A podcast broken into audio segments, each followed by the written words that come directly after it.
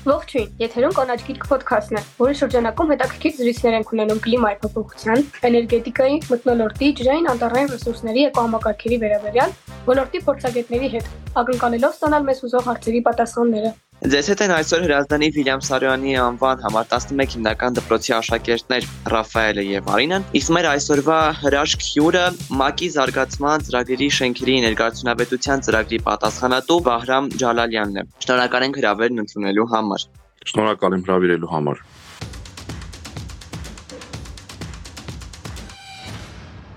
Էներգարչնավետությունը շենքերում ինչպես է տեղի ունենում մինչև բուն հարցի պատասխան անցնելը երկու բառով կուզենայի փոքր ավելի բարձ բացահայտենք էներգարդյունավետություն եզրույթը տերմինը հայերեն ասած, որովհետև հաճախ մարդիկ շփոթում են էներգարդյունավետություն, էներգախնայողություն տերմինները, եթե նկատած կլինեք վերջերս որոշակի կոմերցիոն գովազդներում սկսել են կիրառել էլեկտրախնայողություն կամ էլեկտրաարդյունավետություն արհեստական տերմինները, որ երևի այդքան էլ կոռեկտ չի։ Եթե կարճ փորձենք ներկայացնել եւ իրականում իմաստից էլ հասկացում է էներգախնայողությունը խոսքը գնում է էներգիան խնայելու մասին այսինքն կենցաղային լեզվով ասած, եթե մենք երեկոյան ցենյակի լույսը անջատենք, ջերուցումը անջատենք, նստենք մութ ու ցուրտ ցենյակում, մենք ունենանք բավականին մեծ քանակի էներգախնայողություն։ Խնայենք, չենք օգտագործի, բայց պետք է հասկանալ, որ այդ խնայողությունը տեղի է ունենում մեր հարմարավետության հաշվին, կոմֆորտի հաշվին, իսկ էներգարդյունավետությունը, եթե ձևակերպենք, դա նույն ծառայություն համարժեք ծառայություն ստանալն է ավելի արդյունավետ օգտագործելով էլեկտրաէներգիան։ Օրինակ, եթե այդ սենյակի լույսը ոչ թե անջատենք, այլ լամպը փոխարինենք դիցուկ շիկացման լամպից լուսադիոդային լամպով, իսկ ջերուցումը ենթադրենք, չգիտեմ, ավելի արդյունավետ վառարանի կամ կաթսայի միջոցով իրականացվի։ Հիմա ինչ վերաբերում է շենքերին, շենքերում էներգոարդյունավետությունը ոչ թե տեղի է ունենում, այլ եկեք անվանենք էներգոարդյունավետության բարձրացման միջոցառումներ են իրականացվում։ Եթե խոսենք ընդհանուր առմամբ, խոսքը գնալու է շենքի արտաքին պատերի ջերմամեկուսացման վերաբերյալ, այսինքն ճակատների ֆասադների ջերմամեկուսացման, արտաքին դռների լուսամուտների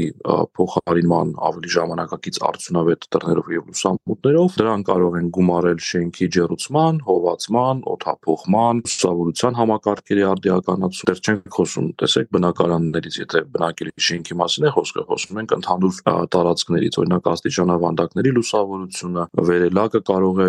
փոխարինման դեպքում ունենալ էներգոարդյունավետության ներուժ եւ այլն։ Եվ որպես վերջին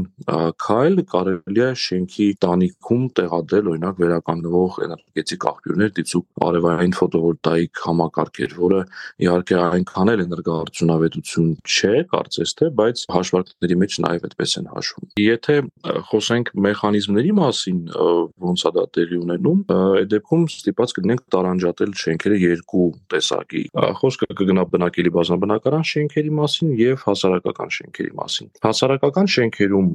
այդ գործառույթները կազմակերպել տրամաբանական պատճառներով ավելի հեշտ է, քանի որ ունեն մեկ սեփականատեր եւ հետեւաբար մեկ որոշում կայացնող։ Այդ դեպքում դա կարող է լինել օրինակ որևէ նախարարություն, եթե խոսքը գնում է օրինակի համար դպրոցների եւ համալսարանների շենքերի մասին, խոսենք կրթության գիտության նախարարության մասին, կամ եթե խոսում ենք հիվանդանոցների պոլիկլինիկաների մասին, դա կլինի կամ քաղաքապետարանը կամ առողջապահության նախարարությունը։ Եվ այդ դեպքում շենքի սեփականատերը համայնքը կամ որոշակի պետական մարմին որոշում են կայացնում եւ նախագծում իրականացնում են այդպիսի միջոցառումները կազմակերպչական մասով իսկ բազմաբնակարան շենքերում արդեն գործ ունեն բազմաթիվ որոշում կայացնողների նույն իրենք բնակարանատերեր կամ համասեփականատերերի հետ եւ նման միջոցառումները ձեռնարկելու համար պետք է սեփականատերերի ընդհանուր որոշում, որը եթե չեմ սխալվում, այսօրվա օրենքով գոնե պետք է 50+1 ձայն հավաքին 50% պլյուս 1 ձայն, որպեսզի այդպիսի միջոցառումներ իրականացնեն։ Հետո արդեն կարելի է դիտարկել ֆինանսավորման աղբյուրները, բնակիչները կարող են դա անել իրենց միջոցներով, կարող են դիմել որոշակի ծրագրերի, գրանտային կամ վարկային ռեսուրսով իրականացնել, այդտեղ տարբեր մոտեցումներ կան։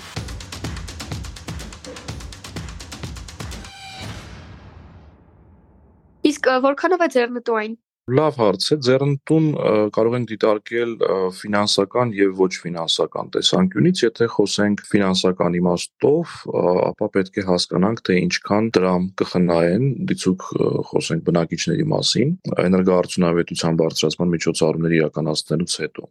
Սովորաբար, եթե մենք խոսում ենք Հայաստանի գոյություն ունեցող բնակֆոնդի մասին եւ մասնավորապես հին պանելային շենքերի օրինակով ասեմ, որոնք շուրջ 40-60 տարվա շենքեր են արդեն, եթե շենքի էներգոարդյունավետության բարձրացման միջոցառումները բերում ենք այն մակարդակի, որով այսօր պահանջում են շինարարական նորմերը, մենք կունենանք 40-ից 60%-ի խնայողություն։ Բայց պետք է հիշենք, որ խնայողությունը ոչ միայն դրամային արտահայտությամբ է լինում, այլ նաև կյանքի որակի փոփոխության, այսինքն եկեք պատկերացնենք, որ բնակիչներից բոլորը չեն, որ կարող են իրենց թույլ տալ զմռան ցուրտ ամիսներին բնակարանները ջերուցել բարձր հարմարավետության մակարդակով կամ գոնե նորմատիվային մակարդակով, որը ընդունվում է 20 աստիճան ջերմաստիճանի դեպքում։ Որոշ բնակիչներ չեն կարողանում իրենց թույլ տալ այդ ջերմաստիճանը պահել, որոշ բնակիչներ բնակարանները ջերուցում են ոչ ամբողջական, այսինքն ենթադրենք 4 սենյականոց բնակարանի 1-2 սենյակներ են ձմռան ամիսներին ջերուցում։ Եվ հետեւաբար էներգոարդյունավետության միջոցառումների իրականացնելուց հետո պայմանական իրանք ունեն ընտրություն կամ կարող են այդ մնացած երկու սենյակը ջերուցել ինչպես եւ միջոցառումներից առաջ եւ ունենալ այդ 40-ից 60% խնայողությունը կամ կարող են իրենց օգուտը ունենալ հարմարավետության մակարդակի բարձրացման շնորհիվ, այսինքն բոլոր սենյակները սկսեն ջերուցել կամ բնակարանի ջերմաստիճանը բարձրացնել։ Այդ դեպքում բնականաբար դրամային խնայողությունը չի լինի 40-ից 60% եւ այդ հարմարավետության բարձրացումը իր վրա կվերցնի այդ դրամային խնայողությունների մի մասը։ Դրա համար որոշ մարդկանց մոտ թյուր կարծիք է ստեղծում, որ այդ ինչ էր որ ջերմամեկուսացրեցինք, բայց խոստացած 50%-ը չխնայեցինք եւ չեն ուզում դիտարկել մնացած ոչ դրամային օգուտները, ինչպիսիք են հարմարավետության մակարդակը, կարելի է դիտարկել եւ կան հետազոտություններ օրինակ մանկապարտեզներում էներգոարդյունավետության բարձրացման հետևանքով ինչքանով պակաս են երեխաները հիվանդանում ձմռան ամիսներին։ Ընդཐུպ մինչև կան ուսումնասիրություններ ոչ Հայաստանում իհարկե, թե այդ հիվանդացած երեխայի հետևանքով ինչքան է դրամային կորուստները, որովհետև եթե երեխան հիվանդացավ եւ չեկավ մանկապարտեզ, նշանակում է երեխայի ծնողը մնաց երեխայի հետ տաներ եւ չգնաց գործի եւ որպես հետևանք այդ գործատուն, որտեղ որ ծնողը աշխատում էր, ունենում է շատ կոնկրետ գումարային կորուստներ։ Ընդཐུպ մինչև այդպիսի հետազոտություններ կան։ Լավ, իսկ եթե փորձենք առանձնացնել բացասական ու դրական կողմերը, որ այդպիսի կողմեր առասարակ ունի էներգոարդյունավետությունը, այդ առասարակ ծավալած գործունեությունը ու այս պահին կարող ենք առանձնացնել եւ նրա բացասական եւ դրական կողմերը։ Տեսեք, դրական կողմերի մասին բավականին արդեն խոսեցինք եւ հիմնականում խոսեցինք ոնց որ տեղային մակարդակով, շենքի կամ վերջնական սպառողի սեփականադիրոջ տեսանկյունից, եթե փորձենք ավելի գլոբալ լայն նայել խնդրին եւ դրական կողմերին, ապա པարզ կլինի, որ Հայաստանի նման երկրում, որը սեփական էներգետիկ ռեսուրսներ չունի կամ գրեթե չունի, իսկ մենք գիտենք, որ Հայաստանի էներգոհամակարգը մեծամասամբ 1/3-ով էներգոհամակարգի մասին խոսքը բաղկացած է ատոմակայանից 1/3-ով բնական գազով աշխատող կայաններից եւ մոտարապես 1/3-ը կազմում են փոքր հեկերը։ Այսինքն, եթե հասկանանք եւ գազները ներկրվող վառելիք եւ ատոմային վառելիքները ներկրվող էներգոարդյունավետության ցանկացած միջոցառում իր ներդրումն է ունենում երկրի էներգետիկ անկախության վրա, այսպես ասած։ Այսինքն նվազեցնում է կախվածությունը արտաքին ներկրվող էներգակիրներից։ Դա ավելի գլոբալ մակարդակով դրական կողմ է։ Եթե խոսում ենք երկրի էներգետիկ անվտանգության մասին, Պետք է իհարկե չմոռանանք նաև էներգոարդյունավետության բարձրացման մասով բնապահպանական դրական ազդեցությունների մասին, այսինքն եթե մենք ելի շենքի օրինակով վերցնենք ջերմամեկուսացնում ենք շենքը, նշանակում է շենքը սպառում է ավելի պակաս էներգիա, դրա հետևանքով եթե խոսում ենք գազի մասին, ավելի պակաս գազ է այրվում եւ համամասնորեն նվազում են ջերմոցային գազերի արտանետումները մթնոլորտ։ Եթե ինչ որ մեկը ասում է, որ շենքը էլեկտրաէներգիա է սպառում գազով, չէ, որովհետեւ տարբերություն չկա, այդ էլեկտրաէներգիան եւս արտադրվում է համակարգային կայաններում, որի համար օգտագործում է բնական գազի, ատոմային վառելիքի եւ հիդրոէներգիայի որոշակի խառնուրդ կախված այդ պահին համակարգում կայանների կազմից եւ կրկին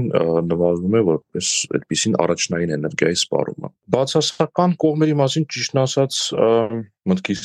որևէ հստակ բան չի գալիս, դա եթե խոսում ենք շենքերի մասով, դա որոշակի շինարարական կամ ինժեներական միջամտությունների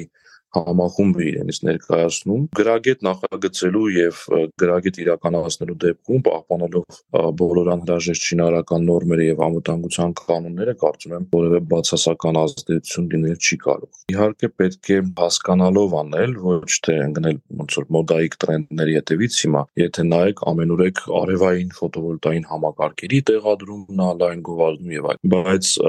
տնտեսական իմաստով եթե գումարային արդյունավետություն տնտեսության մասով հաշվենք, միշտ ավելի ձեռնտու է խնայել էներգիան եւ բարձրացնել էներգոարդյունավետությունը եւ նոր երբ որ էներգոարդյունավետության պոտենցիալը ներուժը արդեն ամբողջությամբ իրացվել է անցնել վերականգնվող էներգետիկ աղբյուրներին ոչ թե հակառակ ուղղությամբ կարելի է ասենք շենքի էներգասպառումը նվազեցնել էներգոարդյունավետության հետևանքով միջև որոշակի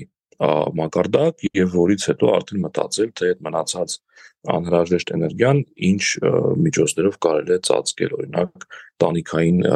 արևային համակարգի միջոցով տենց այլ բացասական կողմեր այս բան երևի դժվարանա նշել Պարոն Ջալալյան, դուք նշեցիք, որ մեզ մոտ բացասական կողմ կարող է լինել միջամտությունները շենքերում, որ հա ճիշտ կառուցումը, իսկ թանկ են էներգարդյունավետ միջոցառումները, օրինակ պատերի ջերմամեկուսացումը։ Տեսեք, երկու ենթահարց տարանջատենք, հա, նոր կառուցվող շենքերի մասով եւ արդեն իսկ գոյություն ունեցող շենքերի մասով։ Եթե մենք խոսենք 0-ից կառուցվող շենքերի մասով, նախ պետք է նշել, որ շինարարական նորմերով եւ մի շարք տեխնիկական կանոնակարգերով նոր կառուցվող շենքերը պարտավոր են իրականացնել էներգոարդյունավետության միջոցառումներ, սկսած նախագծային փուլից մինչև շինարարական փուլ եւ հանձնման ակտը շենքի։ Այսինքն չի թույլատրվում այսօր իրականացնել որևէ տեսակի շենքի շինարարություն առանց հաշվի առնելու էներգոարդյունավետության միջոցառումները։ Հայկական շինարարական նորմերը վերջին անգամ թարմացվել են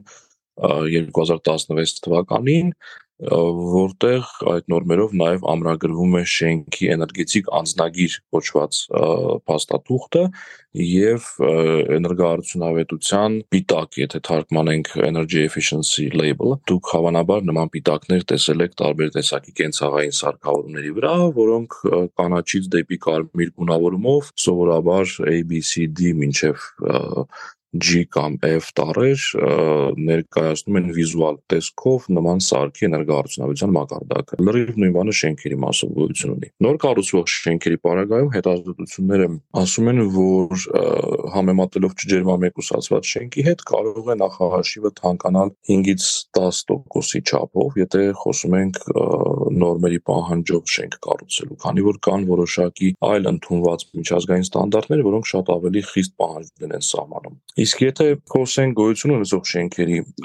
մասով, ապա դա ենթադրում է որոշակի շինարարական միջամտություն այդ շենքերին եւ այստեղ տոկոսով խոսելը երևի իմաստ չունի կարող եմ մեկ օրինակ բերել ստանդարտ կամ տարածված շենքի օրինակով եթե խոսենք մեկ մուտքանի 9 հարկանի 451 սերիայի շենքի մասին, որը ժողովրդական լեզվով ասում են Երևանյան ԴՍԿ, 9 հարկանի 36 բնակարանով շենք է։ Այսօրվա գներով բավականին վերջերս ենք հաշվարկել, ամբողջական ջերմամեկուսացումը կտատանվի 60-ից 70 միլիոն դրամի սահմաններում։ Տեւաբար կարելի է բավականին բարձ թվաբանությամբ հաշվարկել, որ 36 բնակարանատերերից ամեն մեկի ֆինանսական բեռը ինչքան կկազմի։ Հաշվելուց պետք է նաև հաշվի առնել բնակարանը 1 սենյականոցը 2, 3 թե 4։ Դա իր մեջ կներառի դռների պատուհանների փոխարինումը, արտաքին պատերի ջերմամեկուսացումը, տանիքի եւ նկուղի ծածկերի ջերմամեկուսացումը։ Սովորաբար նաև իրականացվում են աստիճանավանդակների եւ հարթակների լուսավորության համակարգի, նու սովորաբար փոխարինում չի լինում տեղադրում, շարժման տվիչներով եւ այլն։ Մոտավորապես այդ գումարի մասն ենք խոսում։ Մի բան եմ ուզում նշեմ օգուտների հետ կապված, երբ որ բնակիչների հետ հարաբերում ենք եւ իրենց ի սկզբանե թվում է այդ ներդրումը բավական բավականին թանկ եւ որ միանվագ իրանք պետք է ներդնեն, որ հետո շուրջ 20 տարի այդ օգուտները քաղեն։ Մոռանում են մեկ ակնթարթային օգուտի մասին։ Մեկը որ հարմարավետության բարձրացումն է, դա արդեն པարզ է։ Բայց բնականաբար ջերմամեկուսացված շենքի շուկայական արժեք տեղում թանկանում է եւ բնակարաններին է։ Ինչպես ցույց են տալիս ուսումնասիրությունները, խոսքը գնում է 10-ից 20% արժեքի ավելացման մասին։ Այսինքն, եթե բնակիչը ցանկություն կունենա ջերմամեկուսացնելուց հետո իր բնակարանը վաճառել, ինքը արդեն իր ներդրած գումարը շուրջ կրկնակի կարող է հետ բերել։ Իսկ առանձնատներում եւս կարող ենք էներգարությունավետություն ունենալ։ Այո, իհարկե, առանձնատունը եւս կարելի է դիտարկել որպես շենք, շինություն, պարզապես նու պետք է հասկանալ, որ առանձնատանը որոշում կայացնելու առումով ամենից ավելի հեշտ է, որովհետև մեկ սեփական արտերը սովորաբար, բայց տեսակարար ծախսերը կլինեն ավելի բարձր, քանի որ առանձնատան բնակվողի համար բոլոր պատերը համարում են արտաքին պատեր եւ տանիքը եւ նկուղը ամբողջությամբ ջատում են այդ տունը արտաքին միջավայրից։ Ի տարբերություն բազմաբնակարան շենքի, որտեղ ամեն բնակարան որոշակի տոկոս ունի արտաքին պատերի կամ նույն տանիքի եւ նկուղի հատվածով։ Եթե փորձենք վերացենք, թե 1 քառակուսի մետր մակերեսի վրա ինչքան ներդրում կպահանջվի բնակարանում էներգոարդյունավետության միջոցառումներ իրականացնելու եւ առանձնատունում, առանձնատունում բնականաբար կլինի ավելի ավելի թանկ։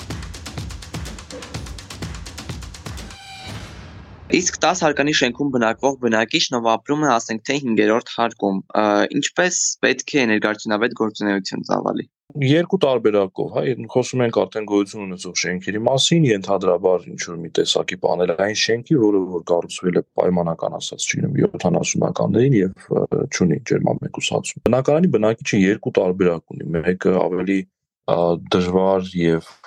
գրագետ տեխնիկական տեսանկյունից այն է հայերեն ասած համոզել իր հարևաններին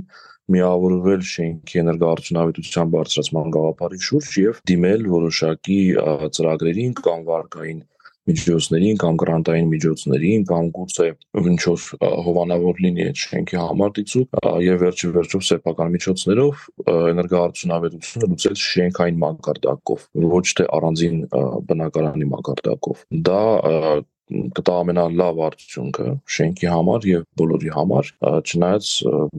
փոքր ավելի դժվարություն է ներկայացնում ընդհանուր համաձայնության հասնելը համասեփականատերերի հետ Մյուս տարբերակը, որը էլի որոշակի տարածում ունի, երբ որ բնակիչը իր բնակարանի մասշտաբով է լուծում իր էներգոարդյունավետության հարցերը, եթե մենք խոսում ենք դեռևս ջերմամեկուսացման մասին, ապա ներսից կարող է ջերմամեկուսացնել իր բնակարանի արտաքին պատերը, որը առաջի հայացքից կարծես թե հեշտ եւ հարմար եւ ոչ թանկարժեք լուծում է, որովհետեւ եթե 5-րդ հարկում կամ 15-րդ հարկում բնակվող բնակիչը ցանկություն ունենա դրսի ջերմամեկուսացնել իր պատերը, այդպիսի օրինակներ եւս կան, Երևանում էլ կան այդպիսի բնակարաններ, որոշակի հատուկ տեխնիկա պետք է բերվի, որը բավականին թանկացնում է process-ը այդ բարձրության վրա գործանելու։ Իսկ բնակարանի ներսից անելը այդ ծախսերից զուրկ է։ Բայց բնակարանի ներսից ջերմամեկուսացնելը ինքը համարվում է ոչ գրագետ տարբերակ եւ ունի մի շարք խնդիրներ։ Դրանցից հիմնական մի քանիսը կնշեմ, ուրեմն ամենատրամաբանականը, որ որոշակի չափով փոքրանում է բնակարանի ներքին մակերեսը, որովհետև ջերմամեկուսիչ շերտը իր պաշտպանիչ շերտով դա կլինի գիպսաստվարաթուղթ կամ ինչ որ ուրիշ նյութ, ինքը որոշակի ապարագծով մակերես է կորում։ Երկրորդը դա խոնավության առաջացումն է, հաշվի առնելով որ բոլորը չէ որ գրագետ են իրականացնում եւ բոլորը չէ որ նորմալ օթափողում են իրենց բնակարանները ջերուցման սեզոնին քանի որ բնակարանի մեջ արկա տաք եւ որոշակի խոնավություն պարունակող օդը երբ որ անցնում է ջերմամեկուսիչ շերտի միջով հանդիպում է սառը պատող այդ պանելային շերտին եւ կոնդենսանում է որը հղի է մի շարք հետևանքներով բորբոսի առաջացմամբ սնկային ինչ որ երևույթների որոնք ցավոք սրտի չեն երևում քանի որ պատի շերտի հետևում են կան հարցեր կապված հրդեհային անվտանգության հետ ջերմամեկուսիչ նյութը ներսից իրականացնելու ցնտրությունը սահմանափակվելու է միայն չվարվող նյութերով բայց բոլորը չէ որ դրան հետևում են կան հարցեր կապված այլ սանիտարահիգիենիկ խնդիրների հետ, այդ ջերմամեկուսիչ նյութերը պետք է լինեն սերտիֆիկացված եւ ոչ թունավոր։ Եվ այլն։ Շինարարական հարցեր էլ կարող են լինել, քանի որ կստացվի, որ շենքի ջերմամեկուսացումը անհամաչափ իրականացնելիս, նույնիսկ եթե դրսից իրականացնեն, ստացվում է, որ շենքի կոնստրուկցիայի մի մասը տաք պայմաններում է շահագործում ձմռանը, մի մասը սառը պայմաններում եւ դա բացասական ազդեցություն է ունենում շենքի վրա։ Եթե ջերմամեկուսացումից մի պահ կտրվենք եւ դիտարկենք այլ էներգոհարությունավետության միջոցառումները, կգանք երկու ուղղության։ Դա տեխնիկական կամ ինժեներական մասով միջոցառումներ եւ վարկագծային behavioral ինժեներականը հասկանալի այսինքն տան էլեկտրասպառող եւ գազասպառող սարքավորումները պետք է փոխարինվեն եթե դրա կարիքը կա ավելի արդյունավետ սարքավորումներով սկսած սպասք լվացող մեքենայից լվացքի մեքենա գազի կաթսա լուսավորություն եւ այլն։ Իսկ վարկագծայինը իրենց ենթադրում է զգոնություն եւ ոնց որ օգտագործման ընթացքում էներգոարդյունավետ վարկագիծ դրսևորելուն։ Շատ պրիմիտիվ միջոցառումներ են, որոնց նաեւ անվանում են անգլերեն no cost low cost, այսինքն արժեք չունեցող կամ ցածր արժեք ունեցող միջոցառումները այն է սենյակից դուրս գալուց լույս անջատել, բաց չթողնել տաք ջրի ծորակը անիմաստ ժամանակով լվացքի մեքենան հնարավորինս մաքսիմալ բեռնվածությամբ օգտագործել եւ այլն նմանատիպ միջոցառումներ։ Դա ամեն մեկը կարող է անել անկախ դա բնակելի բազմաբնակարան շենքի բնակիչ է թե առանձնատան բնակիչ եւ այլն։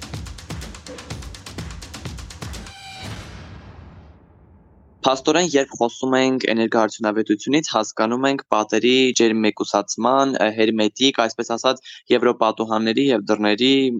արկայության, լուսավորության LED լամպերով, քիչ էներգիա ծախսող սարքավորումների կիրառում ու ճիշտ վարքագիծ։ Բարձրացնելով էներգոարդյունավետությունը կլինենք ավելի կայուն էներգիայի գների բարձրացումից։ Պարոն Ջալալյան, նորից անչափ շնորհակալ ենք չափից դուրս հետաքրքիր զրույցի համար եւ համոզված ենք, որ ոչ միայն մենք, այլև մեր ունկնդիրները շատ-շատ նոր բաներ բացահայտեցին այս հաղորդման շրջանակներում։ Ռաֆայել ջան, ես եմ շատ շնորհակալ հրավերի եւ հետաքրքիր զրույցի համար։ Դե իսկ մենք հիշեցնենք, որ եթերում կանաչկիր ոդքասթներ։ Մենք հասանելի ենք գրեթե բոլոր հարթակներում, այնպես որ բաժանորդագրվեք ոդքասթի նոր հաղորդումները բաց չթողնելու համար։ Իսկ մենք կհանդիպենք շատ շուտով։